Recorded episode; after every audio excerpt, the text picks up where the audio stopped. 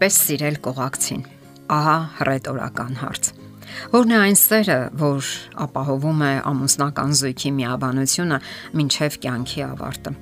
Ոմանք կարևորում են զգացմունքը, ոմանք պատասխանատվությունը։ Շատերն էլ ասում են, որ դա ընդհանրապես կապվածություն է կամ սովորության ուժ, իսկ բոլոր դեպքերում ամուր ամուսնության հիմքը ոչ թե զգացմունքներն են, այլ հարաբերությունները ճիշտ կառուցելը։ Զգացմունքներն իհարկե կարևոր են, սակայն հարաբերությունները հմուտ կառուցելու արվեստը ժամանակ եւ հարուստ փորձառություն է ենթադրում։ Ամուսնական զույգերից յուրաքանչյուրը պետք է մտածի. ես պետք է անեմ ամեն հնարավորը, որpիսի բարելավեմ իմ կողակցի կյանքը եւ երջանկացնեմ նրան։ Եվ սա չի կարող միանգամից լինել։ Շատ հոգեբաններ այսպիսի արտահայտություն են լսում իրենց այցելուներից։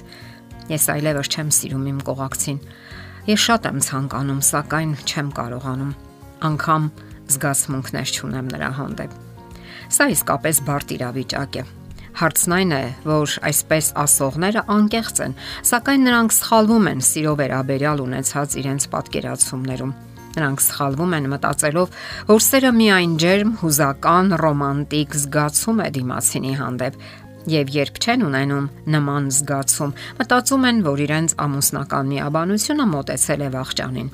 Ցավոք, այսպես մտածողներից շատերն են ամուսնալուծվել եւ ոչնչացրել իրենց միությունը։ Նման իրավիճակում մասնագետները խորհուրդ են տալիս անցնել կոնկրետ եւ որոշակի գործողությունների Անհրաժեշտ են սիրալիր եւ ջերմ խոսքեր, սիրո գործողություններ, հաճելի վերաբերմունք։ Դուք կտեսնեք, որ դիմացինը նույնպես նմանատիպ վերաբերմունք կդրսևորի։ Փոխադարձ վերաբերմունքը ջերմ զգացմունքներ է ծնում։ Իրականում այդպիսի զգացումներն ու հույզերը անկեղծ սիրո հետևանք են։ Սերն իրականում գիտություն է, արվեստ, որը մենք սովորում ենք եւ պետք է սովորենք մեր ողջ կյանքի ընթացքում։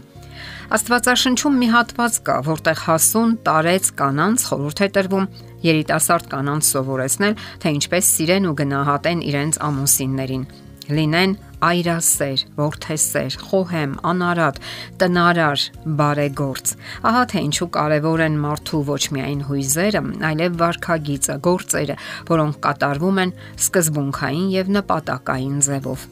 Նաև հիշենք, որ սերը ընտրություն է։ Մենք ընտրում ենք սիրելը, ոչ թե միայն ինչ որ բաներ պահանջելը։ Շատերն են երազում սիրված լինել, իսկ թե ինչպես պետք է իրենք սիրեն, նրանց կամ չի հետաքրքրում դա, կամ էլ չգիտեն ինչպես վարվել։ Նրանք պետք է ամենօրյա գործողություններով ապացուցեն, հաստատեն իրենց որոշումը, հարստացնեն դիմացինի հուզական աշխարհը, սատարեն ու քաջալերեն։ Հոգեբաններն ասում են, որ իսկական սերը նման է տորթի վրայի ջնարակին Առանց ջերմ վերաբերմունքի եւ համապատասխան գործողությունների այդ ջնարակը սկսում է հալվել, քայքայվել ու անհետանալ։ Եվ դա պահպանելու համար ջանքեր են պետք։ Քրիստոնեական վերաբերմունք, ինչը հաճախ անտեսվում է կամ պատշաճ վերաբերմունքի չի արժանանում։ Ընտանեկան հարաբերությունների մասնագետներ Գրեգ եւ Էրին Սմոլլիները պատմում են մի տղամարդու մասին, որը բողոքում էր, որ իրենց ընտանեկան կյանքը փլուզման եզրին է եւ ինքը չգիտի ինչպես փրկել այն։ Մասնագետները տղամարդուն խորհուրդ տվեցին, որ կնոջը սիրի այնպես, ինչպես Քրիստոսն էր սիրում իր աշակերտներին, ապա հորդորեցին 3 հարց տալ կնոջը։ Ինչ պետք է անեմ, որ օգնեմ քեզ։ Ինչպես կարող եմ թեթևացնել քո կյանքը։ Ինչպես կարող եմ լավագույն ամուսինը դառնալ քեզ համար։ Կնոջ պատասխանները փոխեցին այդ տղամարդու վարքագիծը, երբ նա սկսեց կնոջն օգնել այնպես, ինչպես Քրիստոսն էր սիրում եւ օգնում իր աշակերտներին, նրանց ամուսնական կյանքը միանգամայն փոխվեց փոխվեց կնոջ վերաբերմունքն այդ մարդու հանդեպ։ Դա իհարկե տեղի չի ունենա միանգամից, այլ աստիճանաբար։ Իսկ մի պահից սկսած կինը սկսեց այդ նույն հարցերը տալ ամուսնուն Տղամարդու վերաբերմունքը ցնցեց կնոջը։ Նրա սրտում լուրջ տեղաշարժեր եղան։ Աստվածաշնչում կարդում ենք. Մենք սիրում ենք նրան, որովհետև նախ նա սիրեց մեզ։ Այստեղ խոսքը փոխադարձ սիրո մասին է։ Մեկի սերը փոխում է մյուսին եւ փոխադարձ սեր ծնում։ Սերը խթանում է եւ դիմացինին դրթում համապատասխան զգացմունքի։ Սերը կենսակերպ է Շատերն ասում են, որ սերը բարեգործական գործողություն է, սակայն դա այդպես չէ, որովհետև կարելի է բարեգործություն անել առանց սիրո որևէ զգացումի։